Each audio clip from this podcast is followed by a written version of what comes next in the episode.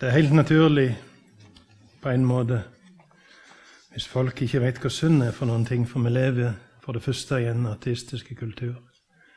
For det andre vi lever i en narsissistisk kultur.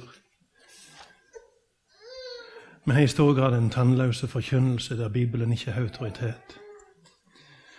Eller vi har en forkynnelse som er fokusert på velsignelser her og nå. Helse, framgang, lukka med tause, feige ledere som ikke våger å ta fram de temaene som må belyses, og kalle ei spade for ei spade. Med en verdsliggjort kristendom der Jesus er blitt skjøvet inn i en trang krok i plassen for å være husets herre. Vi har altfor lite kunnskap om Gud og Bibelen. Og vi ber om at Den hellige ånd må begynne å virke iblant dere.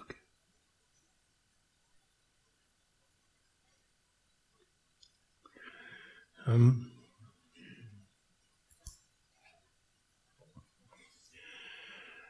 jeg har vært her to ganger før i høst og prøvd å belyse dette temaet på en famlende måte, for jeg har, jeg, lett etter og prøvd å komme til rette med temaet sjøl.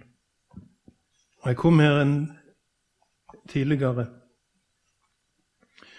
for en måned siden, eller vel så det, og sa noen ting om skatten og leirkrukka. Og jeg sa noen ting om at noe sånn som at leirkrukka er emballasje. Det handler om skatten. Um, og vi må det, vi, må, vi må skjønne det. At um, det største som kan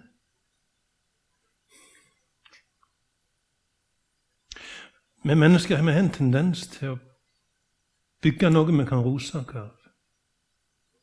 En fasade, en karriere, en bankkonto, en liste over eiendeler, liste over erfaringer, bragder, en lang liste over venner på Facebook.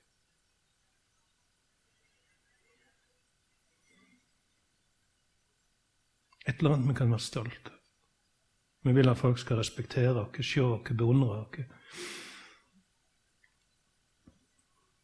Men vi er et lerkar med en skatt oppi. Og skatten er Jesus.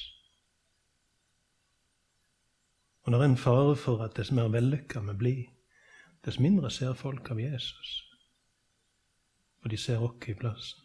De beundrer oss i plassen.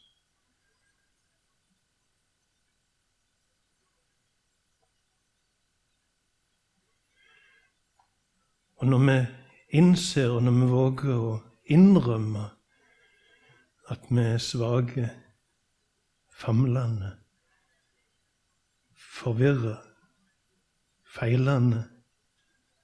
Det som skjer da, det er at Jesus kan bli stor.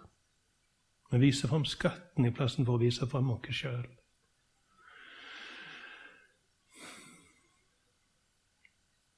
Og det er en ting vi må arbeide med. For den en hang vi har alle i hop til å framstå fine. Selvfølgelig vil vi det. Vi vil framstå vellykka. Det er ingen som Ingen som liksom Å, hva for noe fælt med meg kan jeg få vist fram i dag? Liksom. Det, er, det er ikke en naturlig måte å tenke på. Men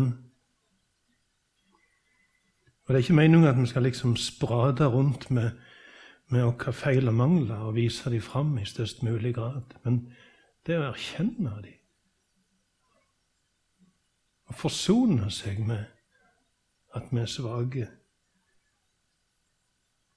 Å bli avhengige og på en måte leve i en, i en erkjennelse av at vi er svake Det som da kan skje, er at Jesus blir stor.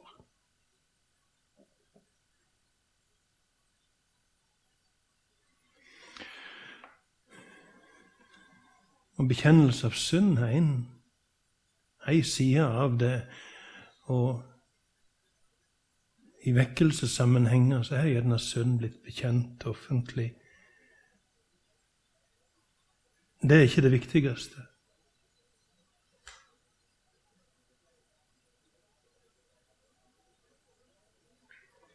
Kanskje skal det skje på, i lønnkammeret, kanskje skal det skje i sjelesorgrommet.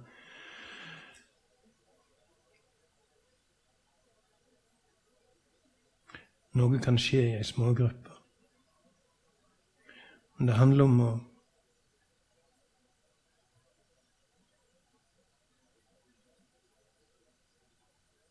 Det handler om at Jesus må få bli stor.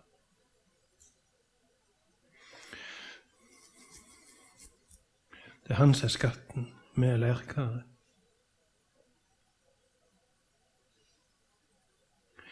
Og så handler ikke det om Det, det bildet må du, må du ikke misforstå. Og Det handler ikke om at du er ingenting, du er bare emballasje. Men det er et bilde som er meint å belyse én ting, og det er at Jesus er en skatt. En uvurderlig skatt. Og så må du ikke på en måte ta det bildet og bruke det til å trykke deg sjøl ned til å tenke at jeg er ingenting. For da er du på en måte misbrukt det bildet. Det var ikke det det var meint til. Det var meint å si at Jesus er uendelig stor.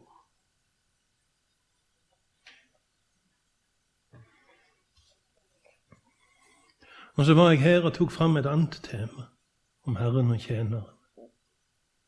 Et tema som rysta meg sjøl. Og jeg reiste hjem, og det kverna i hodet mitt. For jeg var her, og så sa jeg at det ordet som er brukt i Bibelen, er ikke tjener, det er slave. Det er en rystende tanke. Den kristne framstilt som en slave, og Gud som Herren, eieren, herskeren. Og det ryster meg.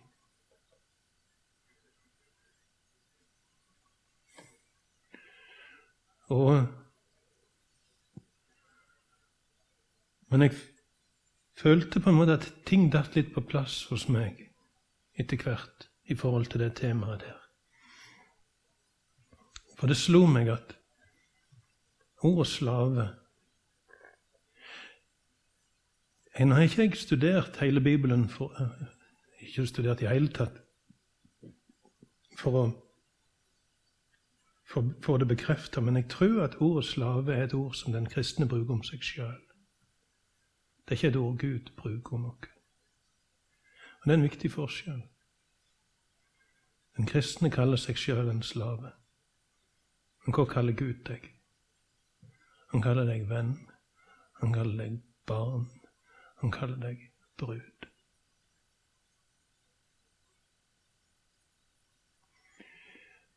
Og så er det viktig når Bibelen bruker disse store ordene om oss, at ikke vi bare tar dem og blir høye på oss sjøl. Og det er noe sunt hvis du på en måte kan holde disse to tingene i hodet samtidig. Gud kaller meg brud. Han er Herren min, og jeg vil tjene Han som Hans frivillige slave. Det å holde de to tingene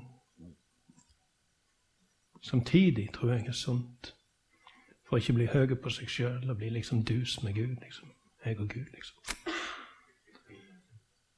Og på en måte forrykke en, en ødeleggende relasjon, for Gud er stor.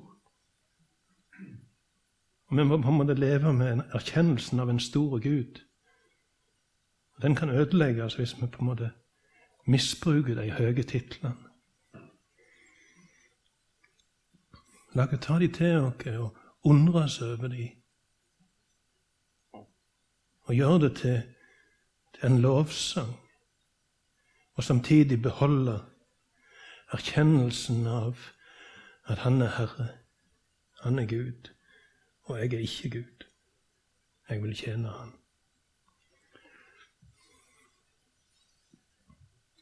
Jeg kaller dere ikke tjenere, sier Jesus i Johannes 15. Jeg kaller dere venner. For tjeneren veit ikke hva Hans Herre gjør, er det det han sier? Eller tenker? Jesus kaller dere til fortrulighet. Ikke som, ikke som slaver under en harde despot. Han kaller dere til vennskap, fortrulighet, tjenerskap i kjærlighet.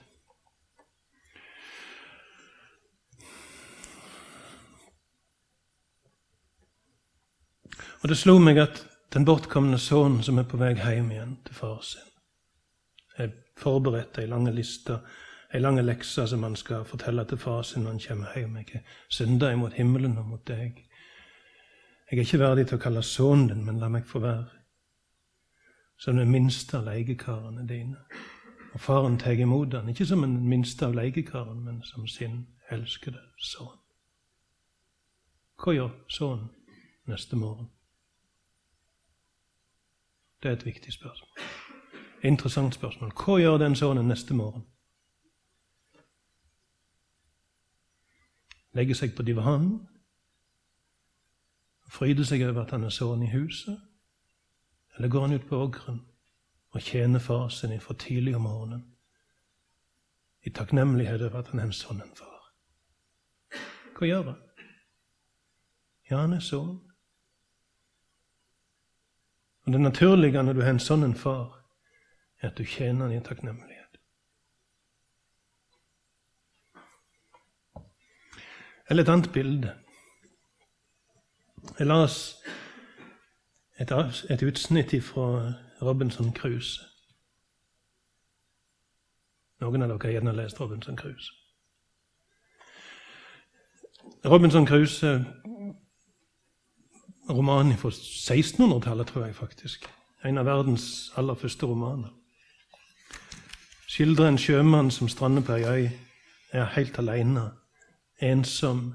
Og så opplever han at det kommer noen innfødte til den øya ha kannibalfest en gang iblant. Og han holder seg vekke fra dem. Men en dag bestemmer han seg for at neste gang det skjer, så skal han befri offeret. Og så kommer de en dag. Og Robinson Crusoe han stender på avstand. Han har tatt med seg børse og lader de. Han stender på avstand og ser på disse stakkars innfødte som er, ligger som fanger i kanoen. De Kannibalene tar den ene av dem. Mens de er opptatt med den ene, så er det en annen som spretter opp av kanoen og springer bortover stranda og kaster seg i vannet, svømmer over et sund, og det er tre innfødte, så tre kannibaler som er på jakt etter han. En av de stopper når han kommer til dette sundet, men to av de legger på søm og følger etter og begynner å springe etter når han kommer opp på andre sida. Og så kommer de forbi der så Robinson Crusoe står, og han skyter den ene av dem og slår den andre ned med geværkalven. Og så er det rett. Så er det en stakkars fange som er blitt berga fra døden. Hva gjør han? Han gjør noe veldig interessant. Han går fram til Robinson Crusoe, bøyer seg ned. Bøyer seg helt ned. Så tar han foten hans og setter den på nakken sin. Han har ikke noe språk som han kan snakke med Robinson Crusoe på. Men det han egentlig sier, det er 'Du har berga meg fra døden. Ifra nå av tilhører jeg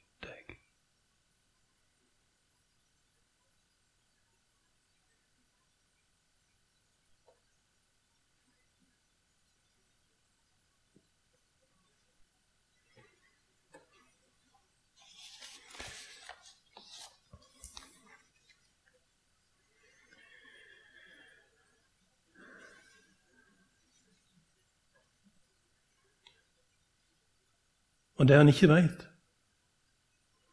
det er at Robinson Crusoe har savna en venn. Robinson Crusoe har fått en venn, men fredag ser seg sjøl som en slave. Det er lenge siden jeg leste den boka, så jeg har ikke helt for meg hvordan det går videre.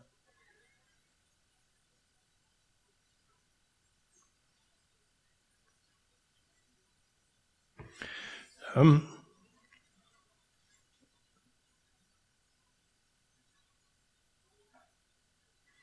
Bibelen kaller den kristne eller den kristne forsamlinga for brud. Og jeg, eh, jeg, husker når jeg ble forelska i henne som er kona mi. Det som skjedde da, det var at jeg var utrolig observant. Utrolig observant. Jeg tenkte med meg sjøl den første tida Jeg kunne ha gjengitt ordrett samtalene vi hadde. Jeg var utrolig observant på alt det hun sa, måten hun sa det på, hva hun hadde på skjeva, hva hun likte å drikke. Jeg lette den opp i studentkatalogen i Bergen, tusenvis av studenter. Lette den opp, fant ut hvordan hun skrev navnet sitt, når hun hadde bursdag.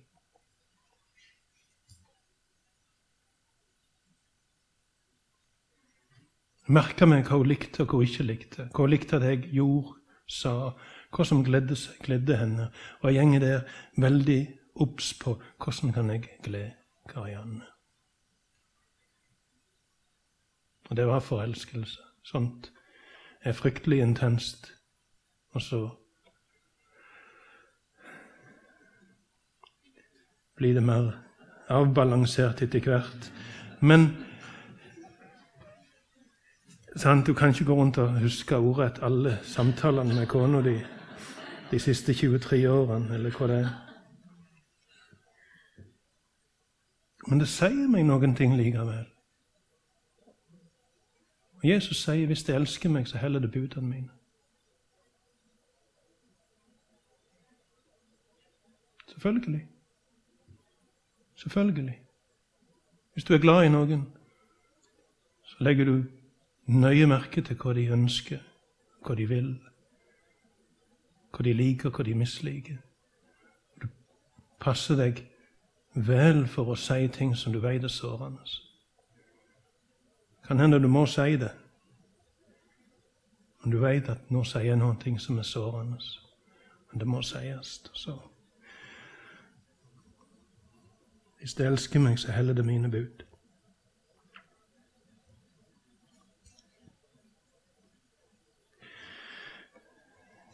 Um, Jeg las Høysangen i dag. Det er en spennende bok. Jeg har aldri nevnt den på en, fra en talerstol tidligere. Høysangen er en skildring av et kjærlighetsforhold mellom ei landsens jente ifra, antagelig fra en eller Bibelkommentatorene sier at hun kom fra Sjunem. Ikke så langt ifra Nasaret, forresten. Ifra Sjunem, eller Sjulam, som det står. Så hun blir kalt Sjulamitt. Jeg har gitt opphav til ordet hele sulamitten. Aldeles idiotisk bruk av det ordet. Sjulamitt er jenta ifra Sjulam, bruden i høysangen. At det, ordet, at det, navnet skal brukes sånn som vi bruker det i norsk språk, er fullstendig idiotisk. Noe av det mest idiotiske en kan tenke seg. Hun er sjulamitten. Jenta ifra Sjunem, eller Sjulam. Som har vunnet hjertet til kongen. Og han har vunnet hjertet av henne. Og så skildrer denne boka på en, på en måte som er både betagende og forvirrende. Eh, forholdet og følelsene mellom dem. Lengselen lengselen de har til hverandre. Gleda de har over for å være i lag, gleda de har over hverandre. Ehm, eh, um, uh, lengselen eller frustrasjonen eller panikken som de har når de, når de har kommet på avstand fra hverandre. Og hun tror at hun har sagt eller gjort noen ting som har skyvd han ifra seg. Og hun på en måte går ut og febrilsk leter etter han. Er det noen som har sett min elskede? Hun, hun, hun, sa ting, hun reagerte på en måte, og så, så var hun redd at hun med det skjøv han ifra seg. Og når hun sanser seg, så er hun ute på gata som, som, en galning for å finne igjen henne elskede. Smerten over atskillelsen. Lengselen etter å få, etter å få gjenoppretta forholdet. Finne igjen henne elskede. Og Så får du skildra denne bærestolen. Salomo sin bærestol. Som blir båren opp ifra ørkenen. Hvem er hun som kommer der, i denne bærestolen, ledsaget av 60 øvde soldater? Og det er ei sky av røykelse og myrra føre. Hvem er hun? Og Det står om Salomo som hadde fått lagd seg en bærestol av de ypperste materialene av gull og av sølv, båren av, av 60 av sine mest av sine beste soldater. Han har sendt bærestolen for å hente jenta ifra sjuende. Og hun har møtt han hjemme. Det er på en måte et veldig sånn landsens miljø, der de snakker om tre, og de snakker om vingarder, de snakker om, om gjetere, de snakker om, om lilja i dalen. Jeg er Sarons rose, sier hun. Jeg er lilja i dalen. Det høres veldig fint ut, men egentlig er det å si jeg er en i mengden. Det er haugevis av roser på Saron og haugevis av liljer i dalen, men han sier nei, nei, nei. Du er lilja blant tistler. Du er noe helt spesielt. Og så kan det, ei bok jeg ikke har trengt til bunns i. Men der er de som sier at det, det er Salomo som har et jaktslott i Galilea.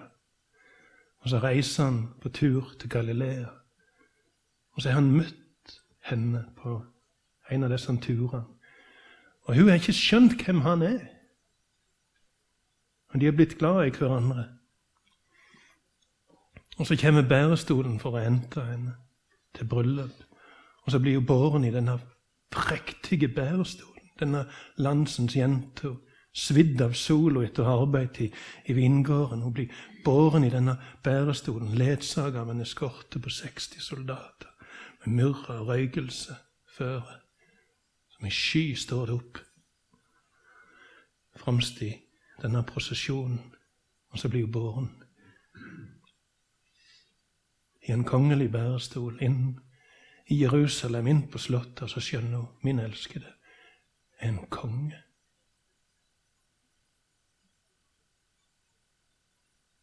Jeg lurer på om det er beskrivelse av opplevelsen som en kristen skal ha en dag. Min elskede er en konge.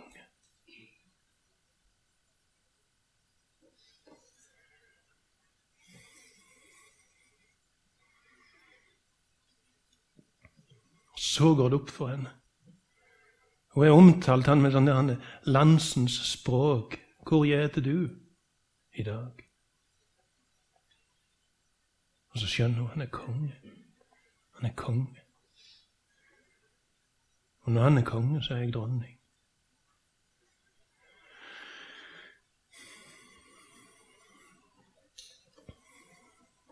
Eller historien om Hosea som fikk beskjed av Gud om å gifte seg med ei troløse kvinne, og så gifter han seg med Gomer.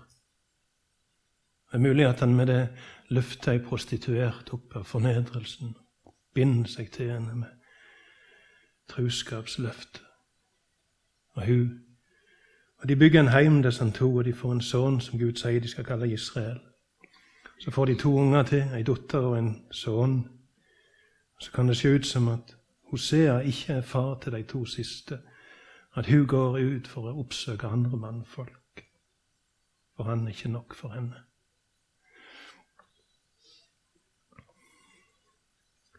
Og Til slutt så forleder hun han og kommer ikke hjem igjen. Hun har bundet seg til en annen mann. Hosea sitter igjen hjemme alene med disse tre ungene. Og så kommer Guds stemme igjen til Hosea med beskjed om at han skal igjen gå bort og elske ei som er elska av sin venn, og likevel drive ord. Og han leide opp Gomer. Nå har hun solgt seg inn i slaveri, enten som arbeidsslave eller som sexslave. Og så kjøper han fri kona si. Betaler så det svir. For å kjøpe fri igjen kona si og føre henne hjem, binde seg til henne med nye truskapsed, og de begynner på nytt som om ingenting er skjedd.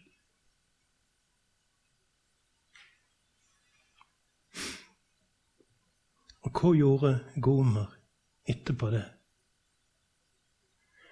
Det sier hun ingenting om. Historien stopper der. Vi veit ingenting om hun svarte med takknemlighet og kjærlighet, eller om hun gikk ut på nytt og oppsøkte andre mannfolk. Vi veit ikke. Og så kunne vi på en måte tenkt og ønsket iallfall at aldri noen gang i Israel var det ei kone som elska mannen sin sånn som Gomer elska Hosea etter han hadde kjøpt henne fri igjen. Men kanskje gikk hun ut igjen.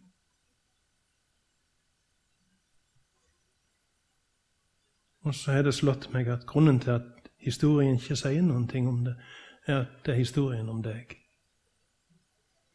Du bestemmer hvordan den historien skal slutte. Med kjærlighet eller nye svik.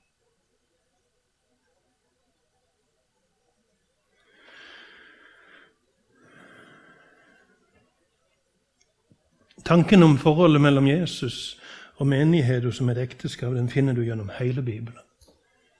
Ikke bare i Høysangen og Hosea-boka, men du finner den gjennom hele Bibelen.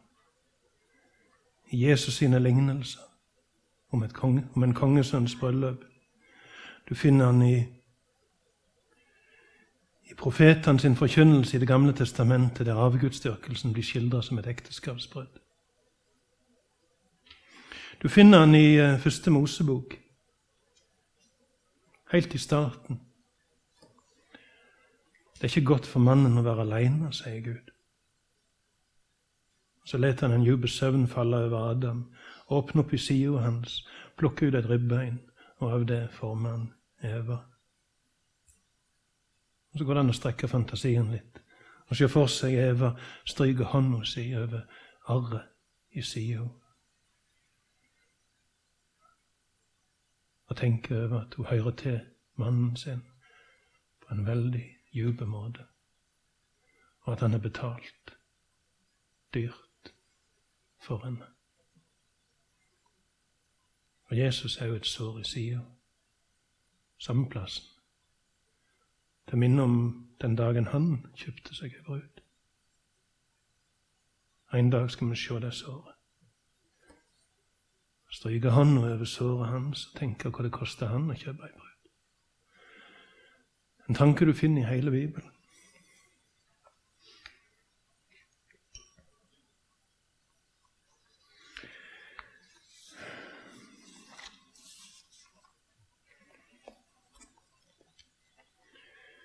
Du finner det i, i slutten. Jeg så i dag på utrolig flott vers der i åpenbaringsboka.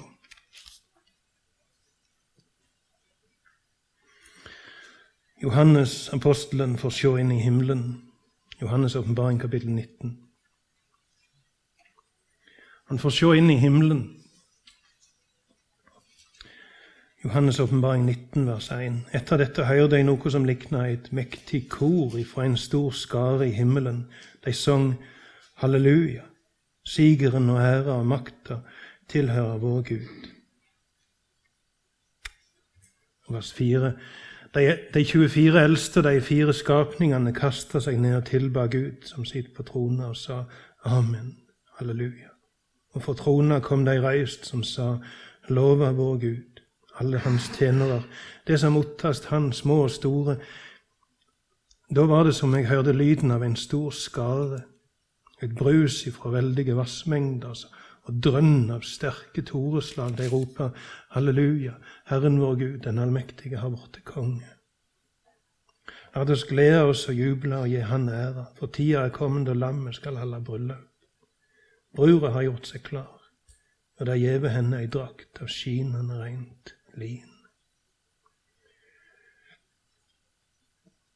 Lin er de rettferdige gjerningene til de hellige, og han sier til meg, skriv, sele er de som er bedne til bryllupsmåltid hos lammet. Og han sa, dette er Guds sanne ord. Og jeg så vers 11. Og jeg så himmelen åpen og sjå en hvit hest. Nei, det var ikke der jeg skulle lese. Jeg skulle lese fra kapittel 21. Det var der jeg skulle.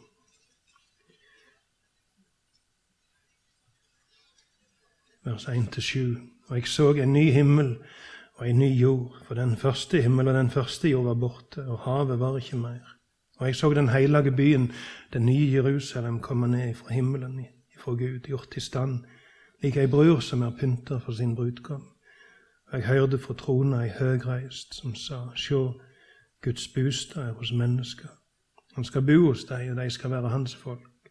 Og Gud sjølv skal være hos deg. Han skal være deres Gud. Han skal tørke hver tåre fra øynene deres. Døden skal ikke være mer. Og ikke sorg og ikke skrik og ikke pine. For det som en gang var, er borte.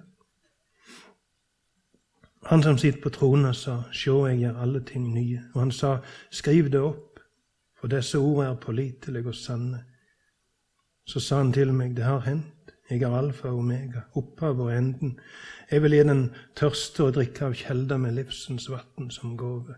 Den som siger, skal arve dette, og jeg vil være hans Gud, og han skal være min sønn. Kapittel 22 vers 14. Johannes' åpenbaring 22, vers 14 og utover. Sel er de som vasker kappene sine.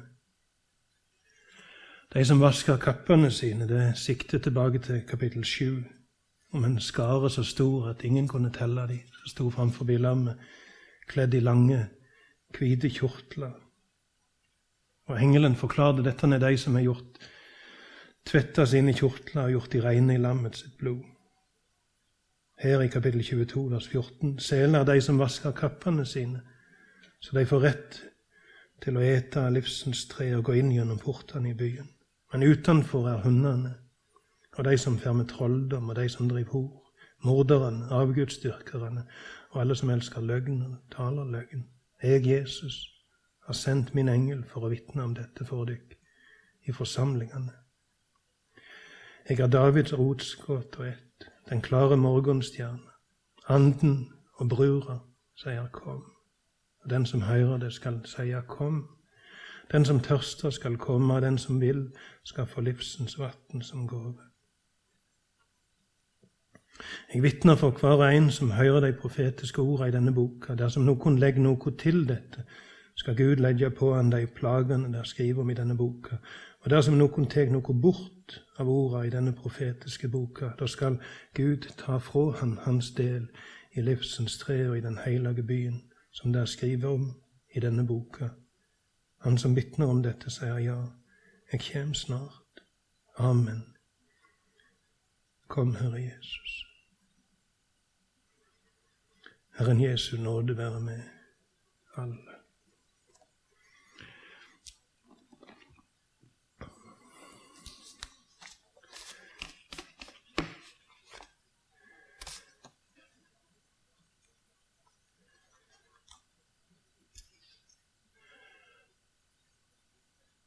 Hva er synd for noen ting? Svik mot en som elsker deg ufattelig høyt, og som er ufattelig trufast.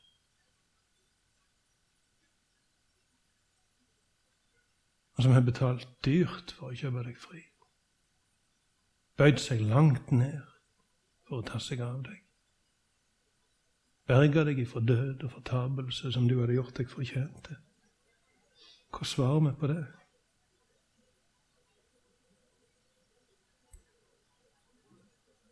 Det fortjener et skikkelig svar. Ikke bare liksom ja, ti poeng til deg, Gud. Et skikkelig svar. En skikkelig svar til en skikkelig frelse.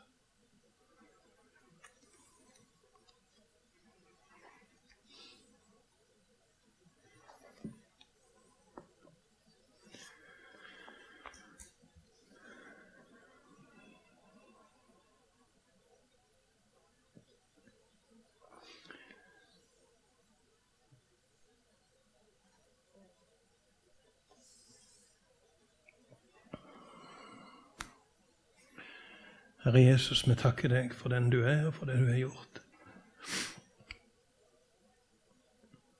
Og for at vi har fått anledning til å høre det, lese om det, og bli kjent med deg. Vi takker deg for at du vil ha med oss å gjøre. At du har strekt deg så langt og bøyd deg så langt ned. Gått hele veien til Golgata for vår skyld. Du vil ha oss der hos deg i din himmel, der du sier at ingenting ureint skal komme inn i den byen, og likevel vil du ha oss der.